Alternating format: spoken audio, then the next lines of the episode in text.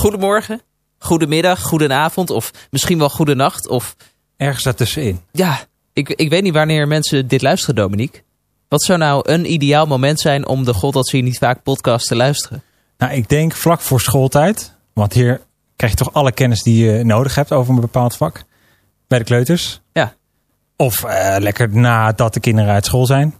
Ik weet het niet. Dat kan ook, want de vakantieperiode is intussen voorbij. Heb jij een goede vakantie gehad? Ja, zeker. Ik ben me aan het voorbereiden op eh, mijn afstuderen bij de kleuters. Dus daar ben ik heel erg blij mee. En eh, ja, toch wel groot nieuws. Ik denk, als de mensen dit luisteren, dan ben ik de enige Pabo-student hier nog in deze podcast. Ja, zullen we ons nog even voorstellen voor de luisteraars Ja. die eh, ons nog niet kennen. Mijn naam is Sander Klootwijk. En mijn naam is Dominique Bosman. Ik ben inmiddels afgestudeerde van de Hogeschool Utrecht, Ja. Pabo. Daar gaan we wel vanuit, uiteindelijk. Ja, want op dit moment eh, dat we dit, op- dit opnemen, moeten we nog één onderdeel van de opleiding afronden. Dus eh, mocht het nou compleet anders zijn gelopen dan eh, wij nu voorstellen, dan, dan hoor je dat nu. En als je nu gewoon mij weer hoort praten, dan is er niks aan de hand. Maar jij gaat nu je LIO-stage in. Ja, klopt. Ik ga een half jaar tot en met januari ga ik in de kleuterklas weer oude, vertrouwd, eh, oude vertrouwde plek op mijn stageschool. Eh, ook waar we Peter hebben geïnterviewd. Ah, En de, de Petra. klosser vorig jaar. Ja. Aflevering 3 geloof ik van Nee, aflevering 5 zelfs. 1. Echt van seizoen Ja? 1? Ja, ja, ja. Wauw. Nou, dat wordt mijn eh, afstudeerbegeleider. Dus daar ben ik heel blij mee. Tof. Echt een oude klosser weer. En ik ga vijf dagen in de week eh, het zelf proberen te redden. Voor de kleuters. Maar ik heb er zin in. Ja, En ik hoop dat de aflevering van vandaag, ik weet wel zeker dat hij daar aan bij kan dragen. Want je bent beland in, ja, mag ik het al verklappen, de allerlaatste aflevering van seizoen 2 van de podcast. Ja. Ehm, en wij gaan voor het allerlaatst een onderbelicht vak behandelen. En vandaag, ja, komt er misschien toch wel een, een bijzonder vak uit de grabbelton. Zullen we, zullen we maar weet. gewoon beginnen? Ik heb geen idee wel, wel- welk vak je bedoelt. Maar, Zal ik eh, grabbelen? Als, ja, als ja, laatste? ja. Oké, daar gaat het. hey, is er van papier maché eh, dit keer. En de- de- een verfkwast? Oh, gat. Het verbeelding? Hè, wa- wat eh, totale fantasie komt er in één keer uit. Die. Wat, eh, wat is Eh, dit? Ja, ik, ik heb hem volgens mij. Ja. Oh, Hou hem goed vast. Oh. Hè? Het, het, het vak voor deze allerlaatste aflevering van seizoen 2 is beeldende vorming. Wauw. Maar daar zijn we toch altijd al mee bezig in de kleuterklas? Ja, ik, nou ja, als ze Sinterklaas eh, maken en werkjes. En, Precies. En eh, allemaal dezelfde stoomboot en zo. Ja, en ja, beeldende vorming. Nou, wel gek hoor. De God dat zie je niet vaak podcast. Met Dominique Bosman en Sander Klootwijk. Seizoen 2, aflevering 3.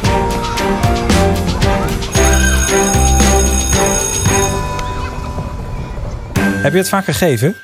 Beeldende vorming? Ehm, Bij de kleuters of überhaupt? nou, ik begin een beetje te twijfelen, want tijdens mijn LIO-stage heb ik al regelmatig de kinderen laten knutselen en eh, eh, werkjes laten maken. Maar als ik naga, dan heb ik eigenlijk vrij weinig vrije opdrachten met ze gedaan. Maar zou dat een voorwaarde zijn? Ik weet niet. Ik heb vrij- vrijdagmiddag is meestal mijn knutselmoment. Maar Ja? dat is niet met de kleuters, maar gewoon, In de hogere groepen. ja. Ja, maar Hmm. Wist er maar iemand die er alles van af weet? Heb jij toevallig een- nog een contact in je telefoon Ja, staan? Want jij ik heb- wist wel heel veel mensen te vinden deze, eh, Ja. dit seizoen. ja, wij putten meestal een beetje uit onze eigen Pabo-docentenpoeltje. Mhm. Eh nou hadden we iemand gevonden, maar die wees ons op iemand die wat hem betreft nog veel beter dit vak kan belichten.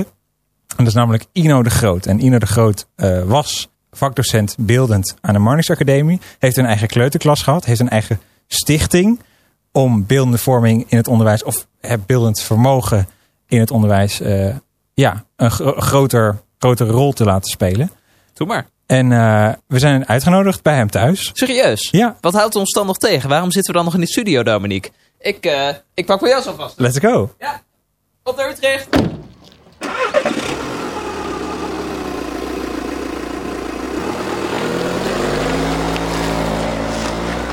Hallo, hier Sander nog even met een kleine disclaimer vanuit de montage. Ino vertelt eigenlijk te veel om in geluid te kunnen vatten. We hebben ons best gedaan de gedeelten die auditief moeilijk zijn over te brengen eruit te halen. Maar op sommige punten gaat dit dan ten koste van de inhoud en dat is ook weer zonde. Dus gebruik je verbeelding of spoel gewoon even een minuutje verder. Dan kun je meestal de draad wel weer oppikken. Veel luisterplezier. Ino de Groot. hartstikke fijn dat jij bij ons in de podcast aanwezig wil zijn. Uh, ja, om eventjes een setting te beschrijven. We zitten hier in jouw keuken, jouw redelijk bescheiden keuken, maar wel met allemaal mooie uh, koffiezetapparaten en, uh, en lekkere theetjes. Jammer nou dat je geen kunst noemt. En kunst, oh ja. ja. ja, nou ja, ik vind, ik vind een koffiezetapparaat ook al behoorlijk kunst. Maar uh, inderdaad, het zijn jouw eigen werken. Dit is allemaal voor mezelf, ja. En dan hangt niks verder aan de muur, omdat dat overal in het land en in Europa hangt. En hoewel er wel haakjes aan de, aan de plafond hangen, maar... Ja, die, die schilderijen die, die, die, die hangen dus in allerlei hotels in Europa. In Keulen, Dresden, Antwerpen, Parijs. Ja. Mm. Chic, chic. Uh, even uh, om, om jouw persoon te schetsen. Uh, ik, wij hoorden net dat jij 40 jaar in het onderwijs hebt gezeten. onder andere als kleuterleerkracht. Ja. Hoe, hoe, was die tijd? W wanneer, van welke tijd spreken we dan? 30 jaar geleden ben ik daar gestopt. Dus vijf, 35 jaar geleden ben ik daar begonnen. Als een van de eerste kleutermeesters van Nederland. Ik was niet de eerste, maar wel een van de eerste, en zeker in Utrecht. Ik zat hier in Wijkzee en dat was uh, voorheen een, een, een, een, aandachtswijk. En daar heb ik heerlijk plat Utrecht weer leren praten. Maan, maan, maan, wat ben ik, Michel, mogen vallen uit mijn kaarsman, zal ik je bek verbouwen. Verrotte deurschenier. Nou, ja, toch niet Heerlijk. heerlijk. En dan zeiden ze eigenlijk, ik hou van je. Een mooie, hele mooie tijd. Mijn vrouw is uh, uh, kleuterpedagoge en dat had ik hard nodig, want ik bakte er in eerste instantie niks van. Ik heb eerst tien jaar, geleden, tien jaar daarvoor op de uh, gewerkt. Mithielschool met meervoudige handicapten. Van, van 13 tot 20 jaar had ik in mijn groep. En toen de overstap gemaakt naar de kleuters. Nou, dat was een feest. Echt een groot feest. Alleen één groot probleem de eerste twee, drie dagen. Het krioelde allemaal. En ik kon nergens een stop vinden bij, bij, bij de Mithielschool had je kleine groepjes.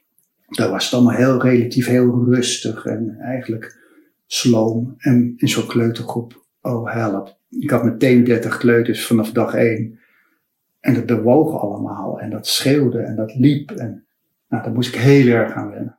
Maar je zegt, je was de eerste kleutermeester van Nederland, zo ja, bijna. Ja. Uh, maar toch verbaast het je dat, dat zo'n kleutergroep heel druk is. Hoe, uh, hoe, hoe, is dat voorstadium dan verlopen? Nou ja, ik heb de PABO gedaan. Ik heb daar op een kleutergroep stage gelopen. En dan heb ik stage gelopen bij een hele ouderwetse, degelijke, vreselijke goede kleuterjuf. Dus die had dat gewoon, hè, dan stap je in zo'n groep en dan, dan draait zo'n groep gewoon. En volgens haar regels.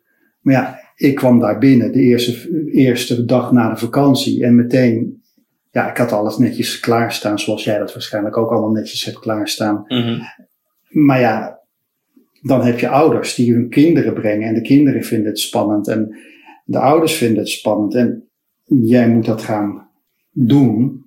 En dat is toch even iets anders dan, zelfs na tien jaar ervaring, dan instappen in een kleutergroep die al draait. Ja. Dus in die, echt die eerste week was chaos. Geweldige, heerlijke chaos. Niet slecht, hè? Ik nee, chaos is ook een orde. Ja, ja, ik denk dat dat ook een, een belangrijk aspect is van een, een beeldend leerkracht. Om in chaos toch een soort plezier te vinden. Ja, nou, ik, ik, was toen nog geen, was wel kunstenaar, maar nog geen beeldend docent. Hè? Nee. Ik heb later pas, in uh, 2000, uh, in 2000 ongeveer, mijn eerste graad gehaald. Eerste graad tekenen heet dat dan, maar het was toen al geïntegreerd met, beeld, hmm. met, met handarbeid en textiele werkvormen.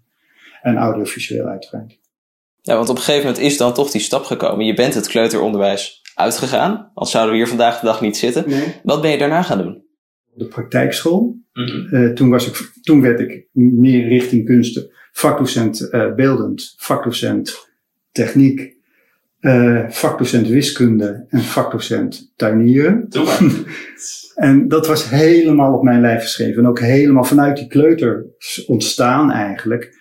Bij hmm. kleuters moet je doen. Moet je actie. Daar moet er, je moet niet eindeloos praten met die kleuters. Je moet wel praten met de kleuters, natuurlijk. Maar je moet niet eindeloos praten met die kleuters. Kleuters moeten niet eindeloos in die, in die kring zitten. Uh, uh, ze moeten zeker niet vastroesten in die kring. Ze moeten bewegen, ze moeten doen. En op die praktijkschool hè, had ik van die jongens, meiden, weer van tussen de 13 en 20 jaar, die dat gelul ook helemaal zat waren. Jongen, geef mij het materiaal en ik doe wel.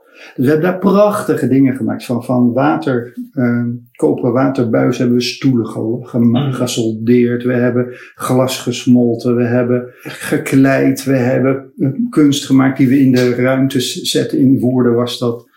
We hebben meegedaan een hele grote prijsvraag. En daar hebben we een olifant van vijf meter gemaakt. Vijf meter hoog gemaakt. Een roze olifant die aan het roeien was. Midden in de weilanden gezet.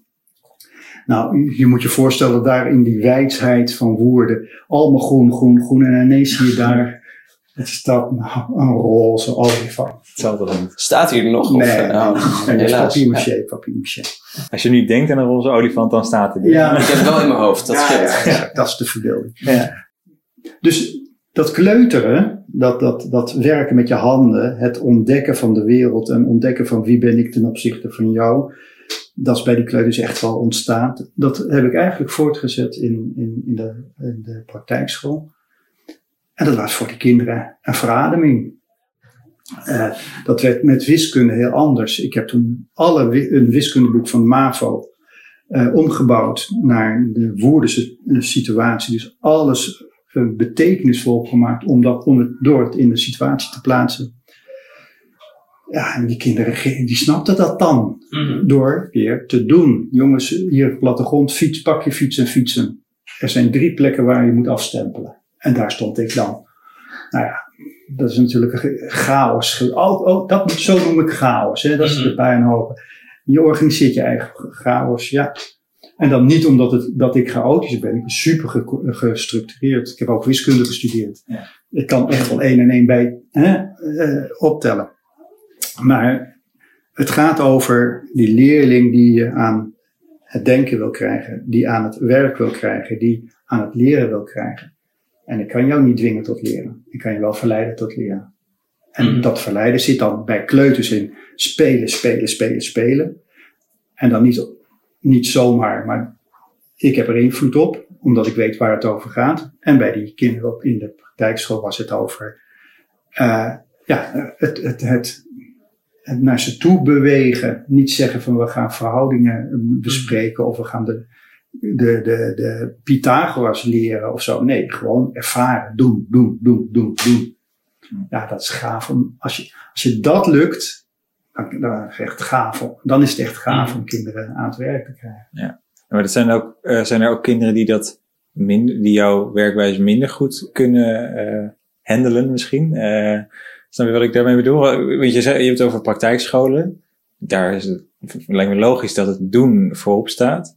Maar eh, kinderen die wat theoretischer aangelegd zijn. eh, In alles wat ik aanbied zit ook een theoretische kant. Dus er is ruimte om voor die kinderen te kiezen. En het maakt me helemaal niet uit of je linksom gaat of rechtsom gaat of er dwars doorheen. Als je maar die kant op beweegt. En ik doe echt van, van hè, ik beweeg nu met mijn hand van daar tot daar. En ik doe niet recht daarheen. Nee, Mhm. die kant op. Niet deze kant op. Niet achter me. Je gaat die, niet, niet een andere kant op dan ik wil. Maar die ruimte, die spanruimte tussen waar je heen wil, zoek het maar even uit en zoek jouw manier. Maar die ruimte is er voor kinderen. Ja. Dus is er een kind die zegt van ja, nee, ik zoek het wel op in een boek. Dat is nog nooit gebeurd, maar dat is een ander verhaal. Dan doe je dat maar. Succes. Ik heb wel eens een klasse gehad die, nou, dan deed ik een beeldende opdracht. En dan was het, oké, je gaat eerst even schetsen wat je gaat maken en daarna ga je aan het werk. Maar dat, Nou, dat dat is wel een fout begin. Ja, nou ja, maar er ging, er ging Sorry, zo'n, ja, maar er ging zo'n uur schetsen. Nou ja, en Welke groep? groep 7. En dat was een, eh, er waren een aantal tekenaars in die groep die het echt al, die dachten, ja, we schetsen, ik wil gewoon meteen aan het werk. Nou, Ja, prima. Dat is, ook, dat is het ook, ja. Ja, en, en, en, en een hele groep die, ik, ik dacht, oh, die gaan vijf minuutjes even schetsen. En nee, dat is echt een uur lang en ook alles uitgubben Ja, ja. wat ze schetsen. Wel, ja. is- moet, Maar schetsen is, is geen bezigheid voor groep 7. Wij oude rotten in het vak, wij mensen die op de kunstacademie eh, hebben gezeten, die op de hè, hoogopgeleide mensen vertalen het werk. Dat is de grootste valkuil. Dat zegt eh, Barend van Heusden ook en zegt Jelle Jolles ook en dat zegt Surka en Robinson ook. Helaas is hij overleden. Ja. Eh, wij, vertalen, wij volwassenen vertalen dat wat wij belangrijk vinden naar, de, naar beneden toe. En Surka en Robinson zegt, de universiteit begint niet bij de kleuters, het begint bij de kleuters. Dus je moet ook aansluiten bij de klus. Wat doen wij? Wij vertalen onze kennis en onze inhoud naar de basisschool toe. Want als we dat al voorgewerkt hebben, dan kunnen wij lekker verder. Dat is een foute redenatie. Dat is bij beeldend, eh, bij tekenen en handarbeid vreselijk goed gebeurd. Heel erg hard gebeurd. Op het moment dat wij een examenvak werden in het voortgezet onderwijs, werden er doelen gesteld en die doelen moesten gehaald worden. Hoe haal je doelen? Door dingen naar voren te halen. En toen zeiden ze, ja, tekenen bijvoorbeeld moet gerationaliseerd worden. Je moet weten wat je tekent. Hmm. Dat klopt ook, je moet weten wat je tekent, maar het klopt ook helemaal niet, want je tekent gewoon. En je reageert op wat je tekent. Dat is ook bij kinderen zo. En dat creatieve brein van kinderen, die maakt er dan wel wat van. En dan, op het moment dat jij hele vaste opdrachten geeft, daar moet je heen, dan, dan, dan gaan ze roepen, ik kan niet tekenen. Maar geven daar wat ruimte in, dan kunnen ze hun eigen dingen inleggen. En dan ben je aan het verbeelden zoals de kerndoelen bedoeld hebben. Namelijk, ik ben mezelf, mijn eigen denken, mijn eigen voelen en mijn eigen ervaringen, kan ik pakken en tonen. Daar is ruimte voor nodig. En dat ontstaat, dat, en zeker in die basisschool, waar gekoppeld aan die ontwikkeling van kinderen, kleuters, associatief, middenbouw, zeg even schematisch en mooi. Ik heb hier voor jullie een setje klaar liggen, die mag je meenemen. Uh, voorbeelden van, van, van die basisschool. Kijk, kleuters hier die lekker in de verf met hun vingers zitten. Dan ontstaat er ineens een, een vorm en die krijgt betekenis vanuit de omgeving, vanuit de cultuur. De cultuur bepaalt dat dit kinderen oh, op een spoor zitten. Dan wordt dat straks uitge, wordt het verder uitgebreid en dan wordt het herkenbaar. Want dit is communicatief met kind, voor kinderen, dat ontdekken ze heus wel. Hier moeten ze vertellen wat het is en hier ziet iedereen wat het is. En hier ziet ook iedereen dat er een een hele grote mond is. En dat er dus iets met die mond is. God, wat heb jij een grote mond? Ja, nou ja, goed. En dan is dit ongeveer eind van groep 5, 6. Dat, dat ziet er al heel erg goed uit en herkenbaar. Klopt nog niet helemaal, maar et cetera. En dit zou dus in groep 7, 8 moeten kunnen. Mm. En op het moment dat er geschetst moet worden, dat is niet bij de kleuters, dat is niet groep 3, groep 3, 4, 5, 6, dat is mogelijk in groep 8. Ja. Want dat is het gewoon het rationaliseren, het, het bepalen van wat ik wil. Zelfs in het voortgezet onderwijs wordt er amper geschetst. We schets je om te zoeken naar vormen. Maar kinderen schetsen niet. Dit is een heel, dit, ik doe schetsen nu voor, hè. Dat is vreselijk lastig voor kinderen, want die zien dat het niet nergens op lijkt en dat het slordig is. Ja. Ze willen het tegendeel, ze willen niet slordig werken, vandaar die gum. Die, die ontwikkeling moet centraal staan en niet het beeldende. Dus dat, dat voortgezet onderwijsdenken, het rationele van, van, van, van de wereld weergeven of wat dan ook weergeven en daarover praten, het rationaliseren van de kunst, is natuurlijk geweldig op voor een bepaalde ontwikkeling, maar niet voor die basisschool waar de wereld nog ontdekt moet worden en waar het denken nog helemaal uh, uitontwikkeld moet worden. Ja. want wat betreft het rationele aspect, het is toch iets wat ik uh, regelmatig in de kleuterklas terugzie. Ook tijdens mijn afstudeerstage, om een voorbeeld te geven, mhm. werd iedere week uh, de weektaak gemaakt. En er was altijd wel weer een moment dat, dat in het overleg ter sprake kwam: Oh ja, moeten we de motoriek nog even oefenen? En dan werd er weer een knutselwerkje uitgezocht. En dan maakten alle kinderen hetzelfde vliegtuigje, dezelfde auto om maar die motoriek te, te behandelen en de motorische doelen te halen. En toen heb ik op een gegeven moment gezegd, is het niet leuk om een keertje een bak met knutselmateriaal te pakken, die op tafel te zetten. En het was toen thema vakantie en ze wilden specifiek vervoer behandelen. En uh, toen had ik het idee om een opdracht te maken waarbij de kinderen een vervoersmiddel moesten maken. Dus met de kinderen besproken van, goh, wat is nou een vervoersmiddel? Dus daar kwamen allerlei dingen voorbij. Treinen, auto's, fietsen, maar ook uh, speedboten en uh, straaljagers. En de kinderen gingen lekker aan de slag.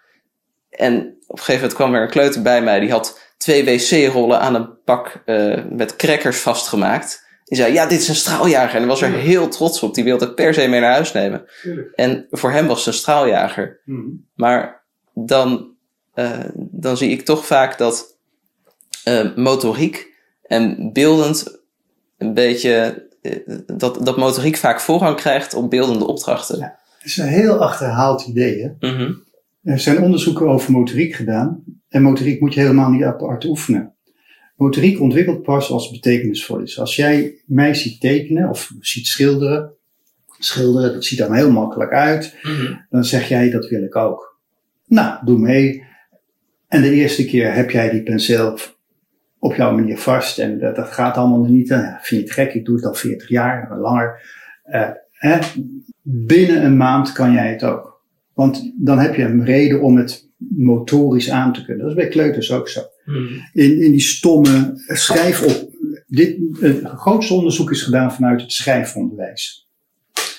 Eh, daar was in de zandtafel, moest je vormen maken. Hè? Of, of schuurpapier. Of, Mhm. eh, je herkent die schrijfoefeningen. En in de lucht Precies. en gymnastiek doen, hè, rondjes draaien en dit en tegen elkaar in. Op het moment dat het spelen is, is dat prima. Maar op het moment dat het een moedje is, leert een kind er helemaal niets van. Helemaal niets van. Mhm. Kortom, je moet het in, een- in een context plaatsen. Dus binnenkort op Zandvoort. Ik zou onmiddellijk autootjes hebben staan. En we zouden met elkaar super gaan racen. Natuurlijk Mhm. over, natuurlijk over een circuit. Nou, wat doe je dan? Alle vormen van de. En dat vinden kinderen leuk, zeker als daar ook nog verf onder zit Ja. Mhm. aan de wieltjes. Dus even door de verf halen en het, eh, terug naar het spits. eh, nou, bla bla bla bla bla. Een beetje lawaai erbij. En je hebt het circuit van weet ik veel waar. Dan is het voor kinderen heel erg leuk om te, hebben we het weer te doen. En dan ontwikkelt die motoriek heel vanzelf. Motoriek moet je niet alleen op zichzelf oefenen. Het moet al gaande gebeuren, al, al binnen een opdracht. Zo'n kind die met twee rollen en een crackerdoos dat aan elkaar frut, heeft hele fijne motoriek nodig, anders lukt het niet. En dan gaat hij net zo lang oefenen, vroeten, omdat het een betekenisvolle opdracht is. En hij wilde een straaljaar gaan maken en ik zal een straaljaar gaan maken. Dan komt het vanzelf. Mhm. En misschien moet je in het begin dan nog even een handje helpen. Maar kinderen willen het zelf doen. Zelf doen, Mhm. zelf doen, zelf doen.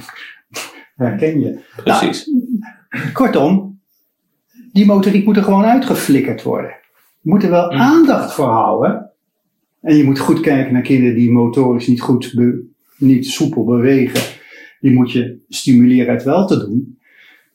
Maar ga niet oefenen op zich. Dat heeft helemaal geen zin.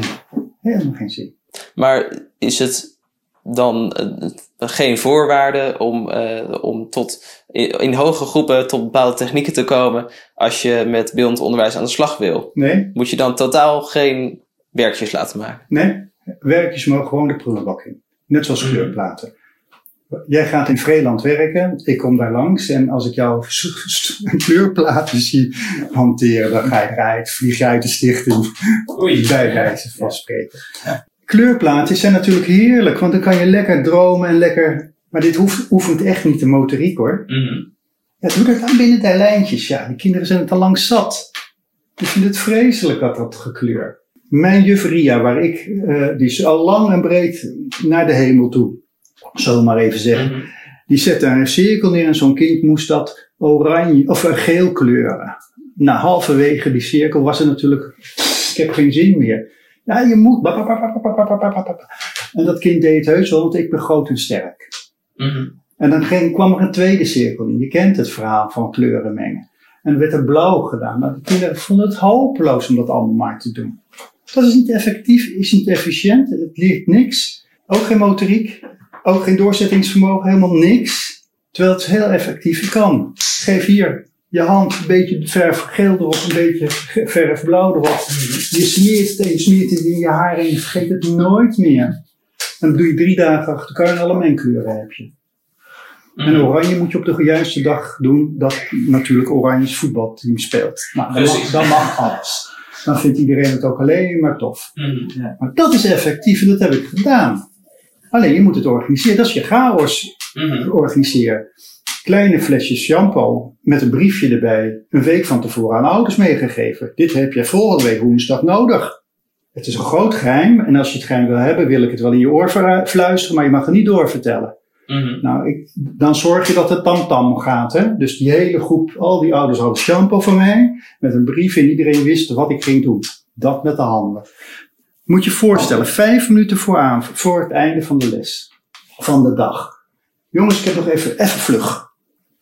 Hè, dat verhaal van al. Dus al die kinderen, en we hebben dat gedaan, ogen dicht, we dansen. Kleuters doen er meteen mee, hè, de dansen en de toveren. En, en dan even over het hoofd. Dus al die kinderen zo. Feest, feest. En de volgende dag staan al die ouders met fototoestellen voor het raam. Mhm. En de laatste dag staan al nog meer ouders en grootouders voor het raam. En die kinderen hebben een lol. En dat gaat natuurlijk ook over lol, want dan leer je. Maar het gaat vooral over effectiviteit en efficiëntie. En is dat motorisch oefening? Nee, geen, methode, geen motorische oefening. Maar dat komt wel met mijn autorijden over het circuit. Of dat komt wel... Mhm. Het, het komt mee met Het gaat vanzelf. de activiteiten. Ja. Ja. Want is dat ook iets wat los is? Want eh, je hebt heel veel mensen die zeggen: Ik kan niet tekenen. Ja, dat is onzin. Ze hebben het niet geleerd. En Kan jij, vervolgens. dit, kan je deze tekenen? Kan jij dat schilderen? Nou, ik, ik, ik zou ik het voorbeeld op mezelf betrekken. Hm? Ik vind dat ik de techniek wat betreft tekenen niet goed in de hand heb. Maar dat betekent niet dat ik niet creatief ben. Ik ben creatief. Maar creativiteit en verbeelden zijn twee verschillende dingen. Dat is inderdaad de vraag. Is, is, is dat los? Ontwikkelt dat mee? Hoe, hoe zit dat? Creativiteit is, gaat over denken Mhm. en het is maar een onderdeel van het verbeelden. Dat is de grootste valkuil op dit moment in onze maatschappij. Creativiteit gebruiken we voor het hele spectrum van, van verbeelden, van, van kunst. Het gaat natuurlijk ook over creativiteit, maar het is niet hetzelfde. Creativiteit gaat over denken, denkstrategieën, denkflexibelheid, denkmogelijkheden. En dat kan je bij elk vak gebruiken, moet je bij elk Mhm. vak gebruiken. Dat is super waardevol in deze tijd, dus dat moet getraind worden. Dat kan je gewoon trainen door associatierekens te maken, door, door gekke spelletjes te doen. Eh, Igor Bietenbier heeft er een leuk boekje over geschreven. Vijf categorieën, zes categorieën. Die kan je gewoon lekker oefenen. Tussen de bedrijven door les, eh, rekenles. En dan doen we even trutter, even, even zo'n zo, zo, zo, zo, zo, zo creativiteitsspelletje. En dan gaan we weer verder. Hm. Zit in je hoofd. Verbeelden gaat over, en dat zegt het kerndoel ook, gaat over het tonen van eigen ervaringen, eigen gedachten, eigen emoties. Dus het gaat over jouw verhaal. Dan is bij die kleuters is dat verhaal vanzelf. Dan kunnen ze, maken ze van alles en dan hebben ze daar een, een, verhaal bij. Dat verhaal kunnen ze vertellen. Dat kan jij niet volgen, want je snapt niet wat ze gemaakt hebben. Even deze erbij. Deze. Dit is een origineel kleuterwerkstuk. Als ik jou vraag wat is dit, Mm, geen idee denk ik. En als ik dan vertel dat het gaat over het circus, over het reizend circus, misschien komt er dan al iets van, maar het lijkt nergens op. Ja, dat is onzin, hè? het lijkt wel. Totdat Chantal, want door Chantal begint te vertellen. En die vertelt jou, vertelde, kijk, dit zijn de railsen, en dit is de wagen, en dit is de giraf die erin zit, en hier zit de meneer die de, de trein stuurt. En dit zijn de stokken tussen de railsen. Hoe gaaf is dit dan? Ja, super. Ja. Dit verhaal van Chantal heb ik gefilmd, QR-code erop en in de gang gehangen. En al die ouders zagen dit dan. Mhm. En ineens werd dit mooi. Op een gegeven moment ga, krijg je dus dat er meer tekening in zit. Onmiddellijk Mhm. weet jij wat hier getekend is. Ja, dat is een paard. Dat is paard. Ja, paard. Met iemand erop, hè, met de koningin erop, met de prinses Mhm. erop. Bla bla. Ook hier zit een verhaal bij. Maar dit, deze is wat meer in die schema's. Ja. Ja. En die kan ik dan uitwerken, want eh, kijk, deze heeft nog, zie je de tenen? Ja, teken. Maar een paard heeft, geen, heeft er maar twee. Hè? Je- to- toch? Of één? Nee, Eén. één hoef. Eén, eh, één, eh. Kan je nagaan, ik weet niet eens wat. Ik heb geen kennis van een paard, Mhm. dus ik kan het ook niet tekenen. Maar goed, ik zeg even dat ik kennis heb van een paard, dan weet ik dat dit niet tussen haakjes goed is. Mhm. Niet zoals het natuurgetrouw is. Dan kan je met zo'n kind daarover praten. Of eh, je gaat naar een paard toe en je gaat even hoefsnit spelen. Of toch? Mhm. En dan leert zo'n kind ineens, die ontdekt dat hij niet gelakte tenen heeft, maar dat hij één poot, één hoef heeft. En dan zal je dat onmiddellijk verander, veranderd zien. En dan Mhm. zo heel langzaam verandert dat. Tot een groep 7, 8. En daar heb je gewoon ineens een instructie nodig. De hele rekendidactiek de ijsberg. Die heb je in je hoofd. Eh, concreet, concreet, semi-formeel en formeel. Formeel is 1 plus 1 is de tekentjes. Mhm. Semi-formeel is ik heb een appel getekend en nog een appel. En hier heb ik twee concrete appels. Mhm. Al het beeldende zit hier. En dat is voor rekenen zo, dat is voor taal zo. Taal ontdek je pas als je begrip hebt. Dit ben ik. Mijn deur is zo. Ik loop, kijk maar, ik ga er doorheen. Ik kan hem net pakken. Ik ga voor het raam staan. Ik kan als ik hier sta, heel goed op mijn tenen staan, dan kom ik net bij het plafond. Ik ga de trap op en hier ga ik weer staan. Ik kan weer tegen het raam op. Ik, heb mijn, ik kan door het raam kijken. Het raam komt ongeveer tot hier. Ja. Ik heb hem helemaal, per- helemaal in perspectief getekend. Er staat, hier sta ik weer, daar hebben we de boom. Ik ben de maat der dingen en dat wordt niet aangeleerd. We doen het trucje aanleren. Doen, berekenen Mm. mag dat niet. Moet, moet het over gaan begrijpen gaan. Maar bij tekenen doen we het wel. Mm. Onzin. Terug naar het kind.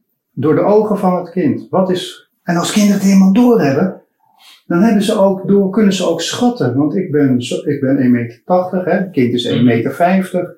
Ik pas ongeveer twee keer in dat huis. Dan is het huis 3 meter hoog. Hm. Of, als we dat nog niet kunnen, twee keer pas ik erin. Mhm. Het is maar welke maat je neemt. Ja. En daar gaat mijn vak over de wereld verkennen. En jezelf verkennen. Hoe verhoud ik mij tot mezelf en tot mijn Mhm. en tot, mijn, an- tot de anderen en tot mijn wereld. En dat begint al bij kleuters. Alleen, bij kleuters ga je dit niet uitleggen natuurlijk. Dan ga je het als spelen doen. Ja. Kleuters kiezen een kunstwerk en plakken daarop. Het meisje koos deze tekening, een schilderij, klassieker, hè, Mm. ergens in het Rijksmuseum. Allemaal vogels. Ze plakt oude rommeltjes erop, allemaal stukjes hout. Als jij hier naar kijkt, dan komt er wel wat uit, denk ik. Ik denk, nou, vertel eens. Wat, nou, ja, De vogel. eh, dit is een- het schema vogel. Ja. En niet zo'n klein beetje. Ik laat het meisje vertellen, ze, ze wijst aan. En ze zegt, kijk, dit is een vogel. En die poept altijd op mijn jas. Nou, dan krijg je de ervaring die ze hebben. Kijk, en ik, ik, ge- ik ga altijd met mama de eentjes voeren. En dan komt die grote zwaan altijd in mijn benen bijten. Ja. De ervaring van dat kind. Ja. En de zon schijnt. Kijk maar, de zon schijnt. Ja. Hoe gaaf is dit? Geweldig. Ja. Mhm. Dus dit is als, als kinderen iets maken, dan film ik ze, ook leuters, en laat ik ze vertellen. En dan krijg je de meest mooie verhalen. En die Mhm. verhalen gaan over hun leven. Dus je leert ze heel goed kennen. Want ik wist niet dat ze altijd met mama ging kindjes voeren. En ik wist niet dat ze bang was voor de zwaan. En ik wist niet dat vogels poepten. En als ik hier naar het werk kijk, die V-vorm, dan kan ik die V-vorm met haar uitbreiden door naar vogels te gaan kijken. En bijvoorbeeld te focussen op de snavels. Want de een heeft zo'n snavel, de ander heeft zo'n. Dan zeg ik niet, ga er een snavel bij maken. Nee, ik bied het aan en op het moment dat het opgepakt wordt, komen er. Ah, ik ga daar tanden in doen. Want die hebben nog niet door dat heel veel vogels geen tanden hebben. Maar geweldig! Dat zijn ontdekkingen. En dan zeg ik niet, het is fout. Nee, een kind maakt nooit fout. Dat is Mhm. voor mij een aanleiding om verder te gaan. Ja, ik zit, ik, ik zit een beetje met je zegt elke keer van je kunt verder, maar hoe, dat, daar zit ik vaak een beetje mee van hoe zorg je dat het dus geen afwijzing of kritiek wordt van, oh, die armen zijn, eh, staan een beetje recht, maar dat zeg ik dus niet. Een kind Nee, teken- ik, ja. ik, geef, ik ga proberen een antwoord te geven. ja, oké, ja. Kind tekent dit. Zo, kind tekent dit. Huis. Ja. Schema huis. Klopt als een bus. Bu- bus heel Nederland, alle West-Europa, Europa tekent zo een huis. Ja. In Marokko tekenen ze zo een huis. Zonder dat puntje erop. Ja. Zo tekenen ze een huis. Nou, een mooi huis toch? Vanuit onze ogen, vanuit de werkelijkheid klopt het niet. Want die deur en dat raam zitten meestal op één lijn. Of in ieder geval, en je moet voor het raam kunnen staan. Moet je kijken, als ik hier doorheen loop, ik loop hier doorheen, kan ik niet door het raam kijken. Door een deur loop je, dan, eh, ja, snap je? Mhm. Dan zeg ik niet, dat klopt niet. En ik teken zelfs dat mannetje niet. Dat doe ik alleen voor jullie even. Ik loop met ze mee naar buiten. Ik zorg ervoor dat ik een paar ouders heb die ik mag pesten. En we gaan belletje trekken. We maken er een spektakel van. Voor mij part filmen we dat eh, voor op de ouderavond. Mhm. Vinden ze geweldig, ouders, om dan te komen. Maar dan ineens komt daar een bel bij dus. En we gaan brievenbussen, brieven ver- verspreiden in de wijk. Dus we gaan er een adres op zetten. En jij moet bij nummer 40 en jij moet bij nummer... En dan gaan ze die brieven in de brievenbus doen. En Mhm. Ineens komen ineens brieven erbij. En dan gaan we gluren bij de buren. Die kinderen komen net met een kopje boven die richel uit. Van het raam. Toch? Ja. Dus dat raam gaat vanzelf zakken. Want ze moeten zichzelf door de, er doorheen zien te gluren. Ik vertel niet wat ze goed of fout doen. Ik laat ze het ervaren. Ja, maar op de termijn van de, de tekening wordt gemaakt en dan ga je vandaar bedenken, oké, dus ik ga komende week ergens dit of dit doen, zodat ze volgende week dezelfde tekening kunnen maken, maar dan eh, beter tussen haakjes. Vooral Eh, tussen haakjes, ja. ja, eh, in ieder geval meer in, in hoe naar de werkelijkheid. Ja, maar, Maar- nee, niet naar de werkelijkheid. Naar Nee. hun niveau van, naar hun Ja. niveau van de ontwikkeling gericht op de Ja, werkelijkheid. nou goed, ik ben geen beeldend docent, dus jij Nee, nee, doet het- nee, nee. maar ik, probeer, ik probeer de woorden scherp te Ja, maar dus, het is niet dat je op de tekening die het kind aflevert, daarop gaat corrigeren. Nee, oké. never nooit. Want dat kind tekent zijn eigen gevoel, zijn eigen gedachten, zijn eigen ervaringen. Ben- wie ben jij om dat af te keuren? Mhm. Je kan niet zeggen dat jij hebt een slecht gevoel, Nino. Je kan niet zeggen, jij hebt een slechte ervaring, Nino. Nee. Je kan alleen maar zien dat ik nog niet kan tekenen. Mhm. En dat is gewoon ge- ge- in, ge- ge- gerelateerd aan die ontwikkeling van kinderen. Ja. En als een kleuter alle, alleen maar tekent wat belangrijk is, Mhm. dan kan ik lullen als brugman, maar het is niet interessant voor dat kind. Nee. Dit kind, dit heb ik geschilderd hoor, maar dit, als dit een kind geschilderd zou hebben, dan heeft het iets met een grote mond. En dit kind heeft iets met nagellak. Dat klopt allemaal precies in die ontwikkeling, want dat ontdekken ze dan. Mhm. Dus ik heb die ontwikkeling voor ogen. Ik denk van, dit is de manier van tekenen. En nou kan ik de volgende stap maken. Hamza woont in een flat. Ik vraag aan Hamza, Hamza, teken eens een huis. Hij tekent zo een huis. Is dit goed of is dat fout? Nou, ik zal het antwoord zelf geven. Altijd goed. Mhm. En ik denk, hé, hey, wacht even, hier klopt iets niet. Hij woont drie hoog. Ham, kom even zitten. Ik teken met je mee. En Ham gaat zitten naast me. Ik zeg, kijk, hier sta je voor jouw huis. Wat doe je als je naar binnen gaat? Ja, de deur open doen. Goed zo, Ham. Ham, wat dan? Ja, dan ga ik de trap op. Ik zeg, ik teken een trap. Hoeveel treden heeft hij? Heel veel, Ino. Is goed. Ik teken een trap. Ik zeg, dan heb ik, ben ik nu boven? Ja. Ik zeg, wat doe je dan? Dan wordt het even stil, want nou moet hij ineens gaan denken, wat doe ik dan? Ik zeg, je Mhm. hebt de deur en de trap op en dan, ja, dan moet ik een stukje lopen. Ik ken de flat, want dat is makkelijk. Hij moet een stukje over de galerie lopen en dan moet hij weer een trap op. Hamza, hoeveel treden heeft die trap? Ino, hou je mond, doe niet zo flauw. Oké, zo, ja. Wat moet je doen? Ja, weer een stukje lopen. Hamza, hoeveel treden heeft hij? Ino, je wordt irritant. Leuk hè, kleuters die dat... Mooi woord, irritant. Vinden ze interessant, joh, dat woord. En het is ook heel leuk, want je hoort het overal dan. Dan moeten ze weer een stukje lopen. En dan bij de derde deur belt hij aan, komt mama en geeft hem een knuffel. Dit verhaal vertel ik met hem. Hoe lang heeft dit geduurd? Drie minuten. Volgende dag, Hamza, lieve schat, teken je huis.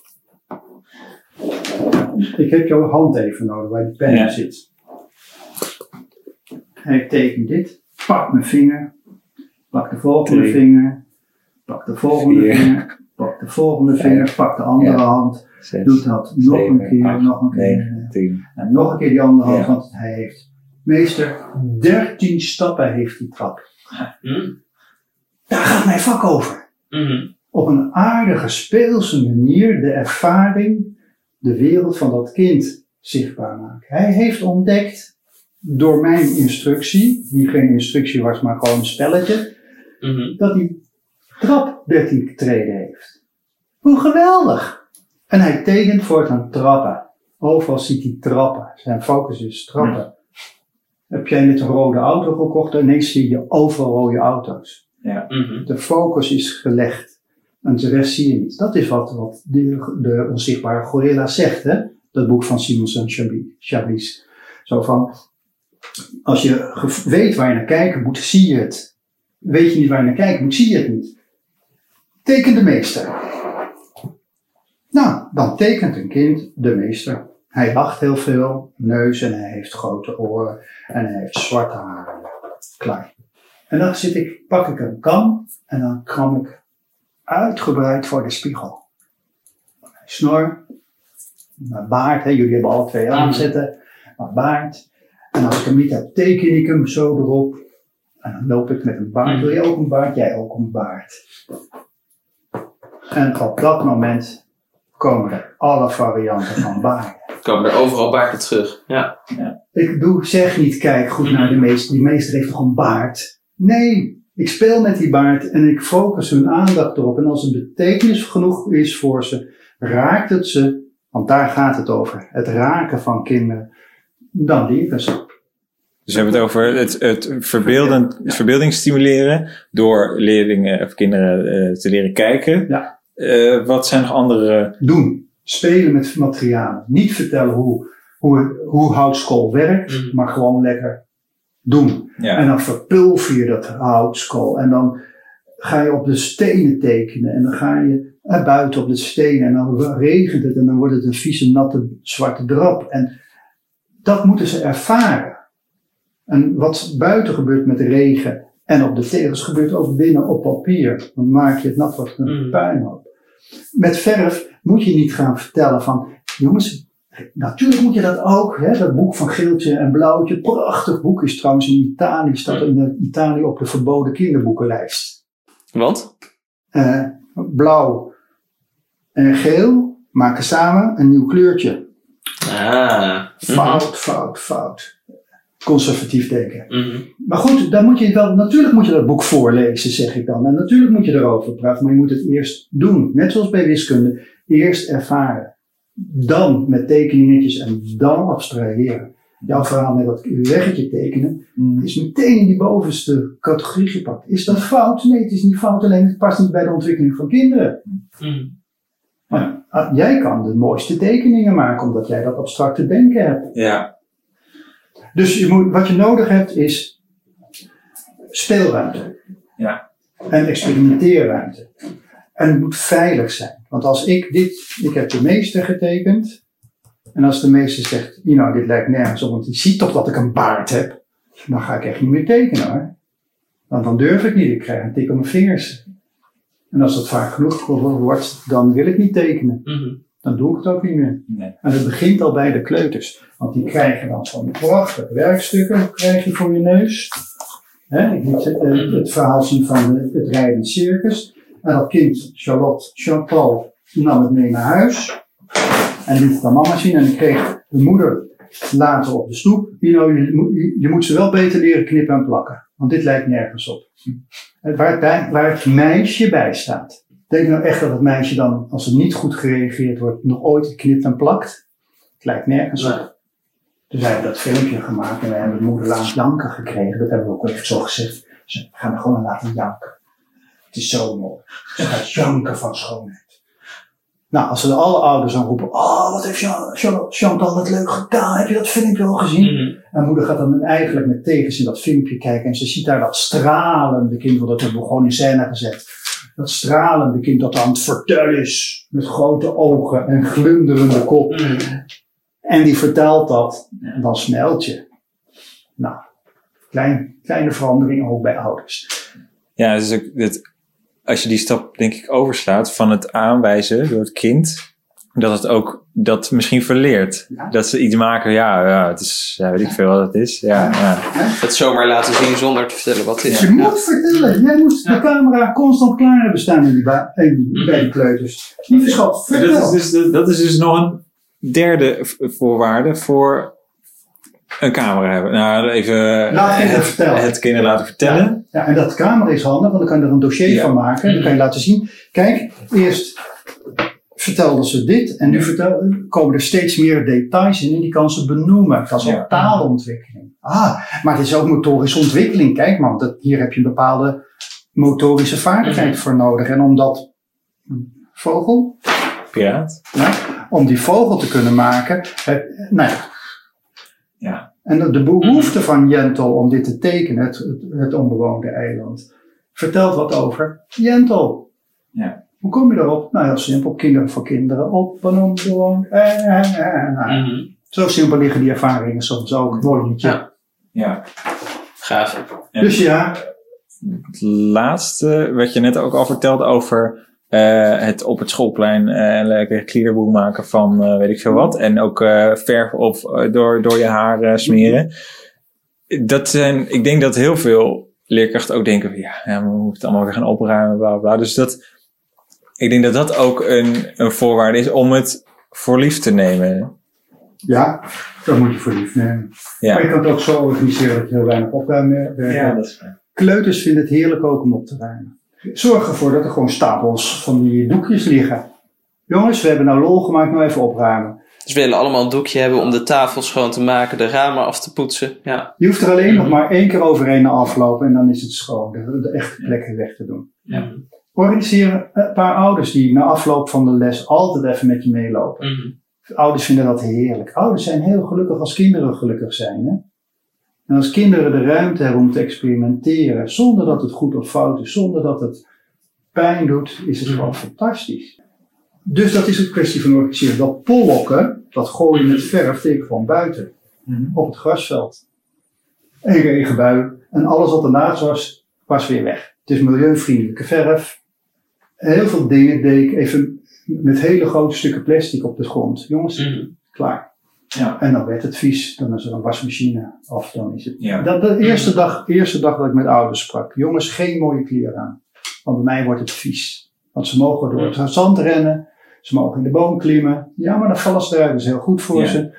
Ehm, bam. Mhm. Ja. En dat is lastig als je jong bent. En dan, hoe ouder je werd, hoe meer ze het van me aannamen. Je gaat, jij hebt toch ook vroeger in bomen geklommen, zei ik dan. Kom op, hé, keertje eruit vallen. Mhm. Dan roep je klaar.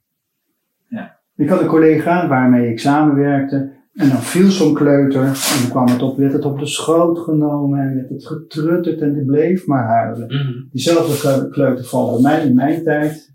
Hij komt aanrennen.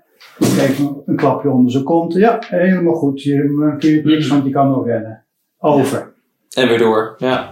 We trutteren veel te veel. We praten veel te veel. We moeten veel meer doen. We hebben net ontzettend veel gehoord over hoe je beeldend onderwijs niet kunt forceren, maar het kind zelf eh, laten ontdekken om uiteindelijk tot een mooi product en een mooie eigen ontwikkeling te komen.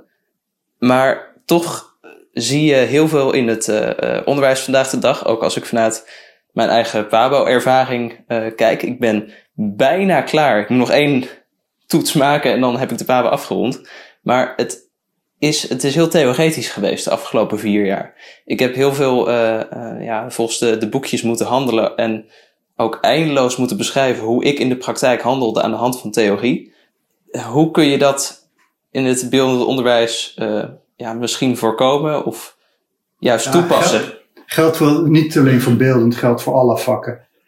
Een HBO. PABO is HBO. Een HBO is het hoogste niveau van praktisch handelen. Mhm. Hoogste niveau van praktisch handelen. Dat betekent handelen, doen. Praktisch is de praktijk. Dus Mhm. doe het in de praktijk. Kijk terug, reflecteer, maar dan niet eindeloos uitschrijven, maar gewoon al praten met elkaar. Je kan mij inhuren en dan kom ik kijken en dan hebben we een goed gesprek en dan heb je daar wel of niet iets aan. Mhm. Want ook ik kan jou niet dwingen, ik kan je een richting geven. Maar doe. En als jij geleerd wordt om jouw handelen te, te spiegelen aan wat de theorie zegt, dan is dat mooi. Maar de theorie is nooit richtinggevend. Kan niet. Want een theorie is een modelletje. En een model over de werkelijkheid doe je de werkelijkheid tekort. Wat mij betreft is het dus gewoon doen. Veel meer. Dat, he- dat hele theoretische kader eruit. We moeten het doen. Er wordt geklaagd over het niveau van onderwijs. Dat is omdat we allemaal onderzoek moeten gaan doen. Dat is omdat we allemaal theoretische kaders moeten hanteren. Nee, onderwijs gaat over wie ben ik? En hoe sta ik ten opzichte van de groep, ten opzichte van de kinderen? Dus het gaat over jouw visie op onderwijs. Visie op onderwijs betekent dat jij weet waar, wat je wil waartoe, waar naartoe je wil, zonder dat dat helemaal duidelijk is. Want je bent 24, 25, weet ik veel, misschien wel 30, 21. 21. Je bent 21. Het kan nog niet zo zijn dat jij een volmaakte visie hebt. Je hebt een richting waarop je denkt. Ik denk dat jij zegt, niet een visie hebt van ze moeten doen wat ik zeg. Ik denk dat je een visie, niet, geen visie hebt van grote mond en ik overbluf ze wel. Ik denk dat jij, als ik naar jou kijk en jou meemaak, zo even in dit korte tijdbestek, dat jij een hele aardige, vriendelijke, pedagogische leerkracht bent. Een leerkracht die met die kinderen meebeweegt. Het grote verschil tussen jou en kinderen is dat jij weet, vanuit je opleiding, waar je naartoe wilt. En dat jij weet dat spelen niet zinloos is, maar dat het juist ontwikkeld is. Dus jij zorgt ervoor dat er speelmomenten zijn. Dat is een visie op onderwijs. Je zorgt ervoor dat er ervaring opgedaan wordt. Dat kan je doen bij kleuters door allerlei rommel in die klas te brengen. Je legt een, een, ineens een autoband in die klas. Je zegt er niks over, je doet er niks mee, maar jij hebt het wel geregeld. Je hebt een handeling gedaan om uit te lokken. En dat lukt je. Die kinderen gaan met die autoband aan het werk. Die gaan ontdekken wat er mee kan en wat er niet mee kan. En wat er wel mogelijk is en wat er niet mogelijk is. En ze stoten hun, hun kop een keer als ze erop springen, want dan vallen ze. Of ze doen. Heb jij geregeld. Omdat jij weet, en dat is dus precies ook met die kindertekeningen, omdat jij weet wat dat in een bepaalde ontwikkelingsfase normaal is en dat je dat verder wil, de zone van de naaste ontwikkeling, wil je die stap maken, die stap probeer te faciliteren. Dat is iets anders dan te zeggen hoe het moet. Faciliteren is, ik, ik regel als leerkracht even bij de buren dat er drie keer, vier keer, vijf keer, zes keer belletje geleld moet worden. En hoe ze dan moeten reageren, want dan film ik het van hieruit en dan hebben die kinderen een lol. En die moeder heeft fantastisch meegespeeld. En dan is het ook over. Maar ik heb mijn doel bereikt, namelijk die bel, de deur, bla bla bla, bla alles wat, wat ik ermee wil. Die ervaring kan ik regelen. Ik loop door de, door de wijk heen met die kinderen en we gaan een trap op. Pa, pa, pa, pa. Hey, elke keer als ik een tree pak, dan zing ik iets hoger. Ik ben niet zo heel goed in zingen, hè, ook mijn probleem. Maar ik zing met die kinderen omhoog naar beneden. En dan gaan we een tree overslaan. Pa, pa, weet ik veel. Hè. Dat hoeft niet eens perfect te klinken. Het gaat over het principe, het denkprincipe. En zo koppelen die kinderen aan de hele wijk allerlei mooie dingen. Dus je moet die school loslaten en de wijk in, want daar is de cultuur. En de cultuur is de, gaat over groepen. Hè? Een groep is een cultuur, een cultuur is een groep. Het gaat over functioneren in een groep. Laat kinderen nou het meeste leren in groepen. Niet in het onderwijs, maar in groepen van, van elkaar, in de peergroep. Nou, dat regel ik, want dat weet jij als leerkracht. Dus ik regel gewoon dat er in groepen gewerkt wordt en dus, dus de wijk ingegaan wordt. Mhm. Ik daag ze uit. Dat is niet alleen bij beeldend, ja, heel graag bij beeldend, maar ook bij rekenen. Ik ga met ze buiten rekenen. Dat is duidelijk, ja. Dus ja, je hebt theoretische kaders nodig. Ik ben niet tegen theoretische kaders, want je moet je handelen op het hoogste niveau kunnen verantwoorden.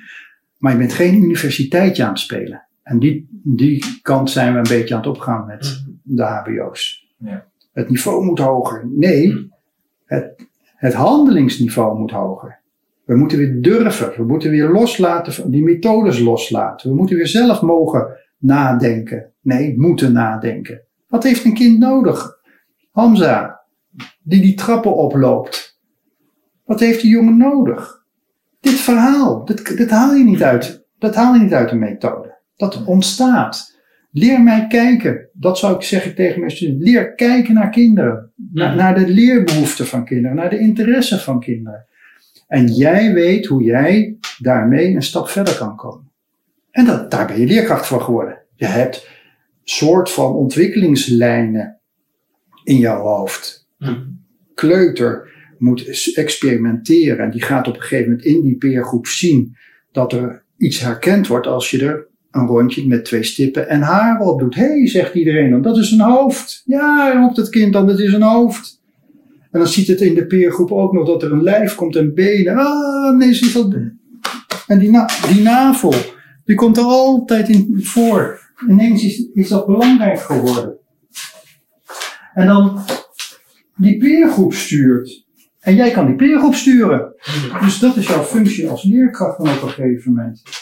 En lachen is noodzakelijk. Dat is wat, kinderen, wat wij moeten leren aan studenten. Wat jullie moeten leren. Mhm. Lachen met kinderen. Op het moment dat je lacht, zijn je hersenen staan vrij, open, om er iets in te doen. Op het moment dat jij zorg hebt, kan er niks meer bij. Lachen zorgt ervoor dat er ruimte is om er iets in te stoppen. Hoe geweldig is dat? Nou, als je dat meeneemt in jouw visie, spelen, spelen en nog een keer spelen, maar dan wel met weten wat je aan het doen bent. Want worden het leuke dingetjes die nog geen mooi onderwijs maken. Ik ben allergisch voor leuke dingetjes. Ja, maar dat doen ze voorbeeldend. Of voor muziek. Oh, dat doen ze op het festival ook zo leuk met kinderen. Ja, dat is een festival. Dat is geen onderwijsinstelling. Dus met kennis van zaken kan jij als leerkracht sturen. Hoe gaaf is dat? Wij hadden het in de auto toen wij hier op, toen op weg waren, hadden we het over het vrijdagmiddag-effect. Ja, Wil jij dat toelichten? ja het, is, het is vrijdagmiddag en oh, het is eh, twee uur en om drie uur gaan ze naar huis. En, ah, we moeten nog even, even, even lekker knutselen. eh, ja. Ja, dan heb je de, mijn vak dus niet begrepen. Want mijn vak gaat over wie ben ik ten opzichte van mezelf, ten opzichte van de wereld. Het is een wereldoriënterend vak. Ja. Gericht in de, op de cultuur. De cultuur waar wij in leven. De cultuur van, hè, de cultuur. Ik noem de peergroep dus ook de cultuur. De sub, sub, sub, subcultuur. Mhm. Dus die hebben het gewoon niet begrepen. Dat is aanrommelen. En aanrommelen is heerlijk Mhm. therapeutisch. Ja, heerlijk. Het heeft geen eisen. Alles is goed. Bij mij is ook alles goed. Maar niet therapeutisch. En het is niet altijd goed. Als jij er een slag naar gooit. Kom op, hé, aan het werk, Sander. Geen gehouden. Heb je er geen zin in? Prima, dan hoeft het niet. Dan doe je het een ander moment. Die ruimte is er. Nou, mag je het ook anders doen? Je mag het ook anders doen. Maar een opdracht is een opdracht. Hmm. Dus ik ben heel erg dubbel, hè? Hoe, ik Ja. zeg, ik ben heel streng met alle ruimte. Ja. En als kinderen eenmaal snappen dat, je de ruimte, dat ze de ruimte mogen pakken, dan is er ook heel veel mogelijk. Maar dat op vrijdagmiddag, en nog even getekend of geknutseld wordt, vreselijk. Hm. Vrijdagmiddag moet je, als je er toch geen zin meer in hebt, lekker naar buiten, ga voetballen. Ja, het is natuurlijk iets wat je vooral in de bovenbouw ziet. Van, oh, eh, alle weektaak is af en dan even wat Ja. doen. Gelukkig is het bij de kleuters een stuk flexibeler. Dus daar ben je eigenlijk de hele dag bezig met Dominique, waarom zit beeldend niet in je weektaak?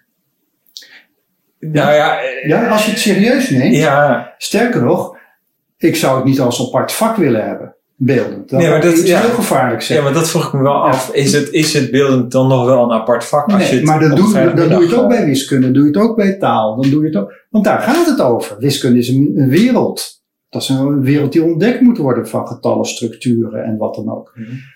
Eh, ik, maar ik, ik heb een Mondriaan gemaakt. Jullie kennen Mondriaantjes. Nou, die heb ik een beetje vrijer laten maken, meer op de Matisse manier. Ze moeten van die vierkantjes plakken ze een beest. Heb je hem voor je? Twee vierkantjes hier, nog een vierkantje erbovenop. Dat zijn twee poten. En dan 1, 2, 3, 4, 1, 2, 3, 4. Dat is het grote vlak van acht vierkantjes. Het lijf, 1, 2, 3, nek, eentje erboven, een kop. Dus dit is een soort van giraf. Kan je je voorstellen? Langere benen. Nog twee dingetjes eronder. Ik ben wiskunde aan het doen. Groep 3, 4. Aan het voorbereiden over eh, omtrek en oppervlakte. Dat is nog niet aan de orde in groep 3, 4. Dat is pas later. Maar ik ben het voorbereidende werk aan het doen. Ik ga met die plakselwerkjes naar buiten. Ik zeg, lieve schatten, satéprikkers en een stuk touw. Je zet op elke hoek een satéprikker en je spant zo het touwtje. Je, kan me, je volgt het, hè? Dat betekent, ik ben van iets kleins naar het, aan het vergroten. Ik heb dat niet als doel, maar het gebeurt er ook bij. We doen het met elkaar, is niet mijn doel, maar jij stuurt mij aan en ik stuur jou aan. Want die tegels is natuurlijk groot werk.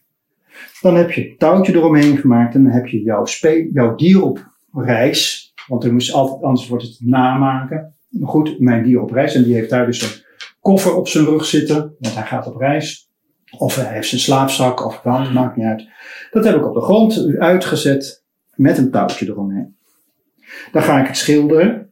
Dat is oppervlakte ervaren. Hoeveel bekertjes, ik met water doen dit keer? Hoeveel bekertjes water heb jij nodig om dat te schilderen. Hoeveel bekertjes water heb jij met dat beest nodig? We kunnen dat vergelijken. Ah, olifant heeft drie bekertjes nodig, giraf vier bekertjes. Het gaat helemaal niet of, of dat, maar je hebt de staafdiagrammen. Ja. Ja, dat is allemaal spelen. We, we zijn gewoon aan het vergelijken. Kinderen vinden dat heerlijk. Ik gooi er nog een beetje water op hoor, dan heb ik lekker veel meer. Ja, is goed lieverd. Maakt mij dat nou uit? Het gaat daar helemaal niet over, over, over eerlijk spelen. Maar goed, Nee. dan haal je al die touwtjes weg en dan gaan we vergelijken wie de langste heeft. Dat betekent evenwijdige lijnen. In groep 3, 4 heb ik de basis gelegd voor 5, 6, namelijk oppervlakte omtrek. Jij weet waar je mee bezig bent, want jij bent leerkracht, jij kent de ontwikkeling van kinderen binnen dat vak. En dan is mijn vak binnen dat wiskunde een fantastische. Geschiedenis met die bootjes heb ik je al verteld van admiraal de Ruiter. Nou, de Engelse oorlogen komen niet ter, ter sprake op de basisschool, dat is wat later. Maar het gaat over die historische sensatie binnen de basisschool. Dat ze die geschiedenis toch nog voelen, ervaren. Laat ik nou net admiraal zijn. En jullie zijn mijn manschappen.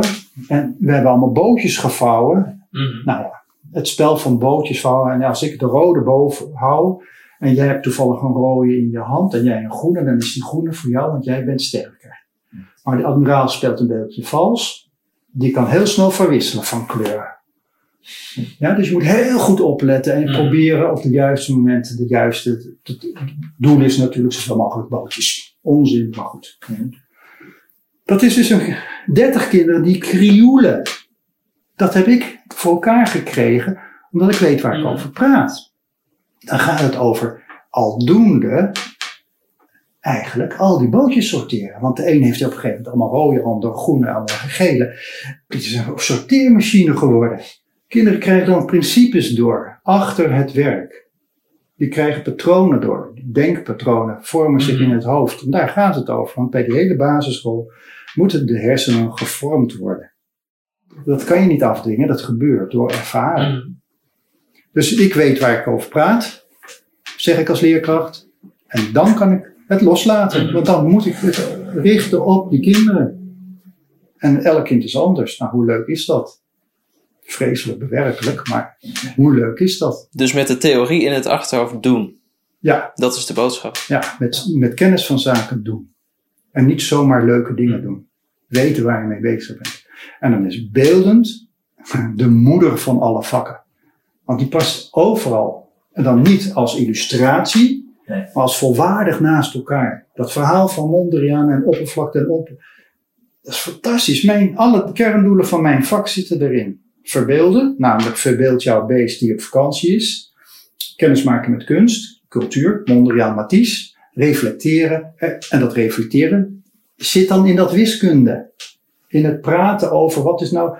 Ino, dat klopt niet. De olifant is korter dan de giraf. En de olifant is veel groter. Dat is reflecteren. En het klopt niet, want die draden waren, het was kleiner gemaakt. Dus het, Ja. eh, hmm. reflecteren gaat over, ik word toch steeds kleiner als ik naar de horizon loop. Hoe kan dat nou? Dat is een wiskundige filosofie. Op de horizon kan ik een stip zetten van 1,83 meter, mijn lengte. Een stip van 1,83 meter. Huh? En elk kind snapt het. En toch daagt dat uit tot nadenken. Dat is filosoferen, reflecteren. Ja. Hoe gaaf is dat om met elkaar daarover te hebben? Ik word kleiner, maar ik blijf even lang. Hoe mooi zijn dit soort uitspraken van kinderen? Mama of papa, ik kan jouw hoofd pakken. Zo groot. Je hebt een groot hoofd. Bedankt. Hoe leuk is dat? Mhm. Het gaat nergens over, maar ondertussen. Het gaat wel ergens over. En jouw hoofd. 1, 2. De duur is vier hoofden, vijf hoofden. Hoe mooi is dat? Dat is, Mhm. dat is leren rekenen met verschillende maten. Oh, nou, jij past niet door de deur. Weet je, zoals Mr. Bean zijn, eh, zijn woonkamer opmeet. eh, ja. Hoe geweldig. Pak je een stukje cultuur Ja. erbij, een stukje film, jongens, lachen. Ja, ja, ja. Geniaal. Mooi. dat is geniaal. Ja. En daar heb je dus leerkrachten voor nodig die vrij kunnen denken. Die niet in de vaste patronen die wij aangeleerd hebben met methodes en die patronen en die, die het moeten loslaten. Ik ga het, eh, ik ga het doen. Ik wil zeggen, ik ga het proberen komend schooljaar, maar ik ga het doen. Bedankt. eh, Ik, ik zou heel graag bij willen kijken. Je kan me inhuren, dat had ik al gezegd. Komt helemaal goed. Dankjewel. Dat was het. Het, Ja. het, het was wel een heel waardevol interview. Want als ik heel eerlijk ben, dan ging ik er heel naïef in. Zoals ik al bij eh, de start van deze podcast zei. Ik ben eigenlijk alleen maar in de kleuterklas met werkjes bezig geweest. En vaste patronen. Ja. ja, en ik moet wel zeggen dat bij de andere vakken dat ik af en toe was dacht van ja, op zich weet ik wel hoe je bij kleuters die vakken moet belichten. Maar bij beelden dacht ik ja, volgens mij, je doet het al toch? Maar blijkbaar doen we het op een totaal andere manier dan ja, volgens Ino. En ik gok ook eh, heel veel andere onderwijskundigen het eigenlijk zou moeten. Hoe je verbeelding kunt stimuleren bij kinderen. Ik ben echt eh, heel erg positief verrast over deze opbrengsten eigenlijk. Ik ook. Ik ga hem ook zeker toepassen. Ja, en eh, wat, wat, wat nu? Ik wil in ieder geval de luisteraars bedanken voor het luisteren naar seizoen 2. De afleveringen waren met grote tussenposes, omdat er echt ontzettend veel werk in iedere aflevering gaat zitten. En ja, daarom waardeer ik nog meer als je nu op dit moment nog luistert. Bedankt voor het zijn van een trouwe luisteraar van de God dat zie je niet vaak podcast. Eh, wij gaan er heel eventjes tussenuit. Ja, ik wou net zeggen, het klinkt echt alsof dit het einde van de podcast is. Maar dat is wat ons betreft niet zo natuurlijk. Absoluut niet. Er gaat alleen een ander format aankomen voor seizoen 3. Dus eh, houd de social media in de gaten. Houd de, je favoriete podcast app in de gaten. Ja. En mocht, we zullen snel weer terug zijn. Mocht je nog ideeën hebben eh, die je met ons wilt delen... of bepaalde onderwerpen of vragen die je hebt eh, als kleutermeester... of als kleuterjuf of als student hè, aan de PABO of waar dan ook... dan kan je die altijd naar ons sturen via de Instagram. Dat is @gol, dat zie je niet vaak. Daar zijn we altijd bereikbaar. En via Facebook. En dat was het eigenlijk. Ja, ja, meer social media zitten we niet op. Dus Nee. eh, Instagram en Facebook.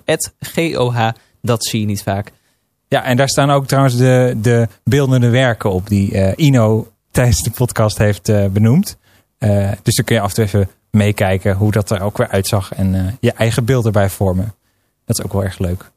Nou, dan ga ik maar les voorbereidingen schrijven, denk ik. Ja, ja, jij gaat hard aan het werk. Ik ga ook. Lokaal opmaken, kleuterlijm aanmaken. ja, laat die kinderen dat zelf doen, zou ik zeggen. Oh, lekker, lekker kliederen, lekker. Heb je nog een flesje shampoo?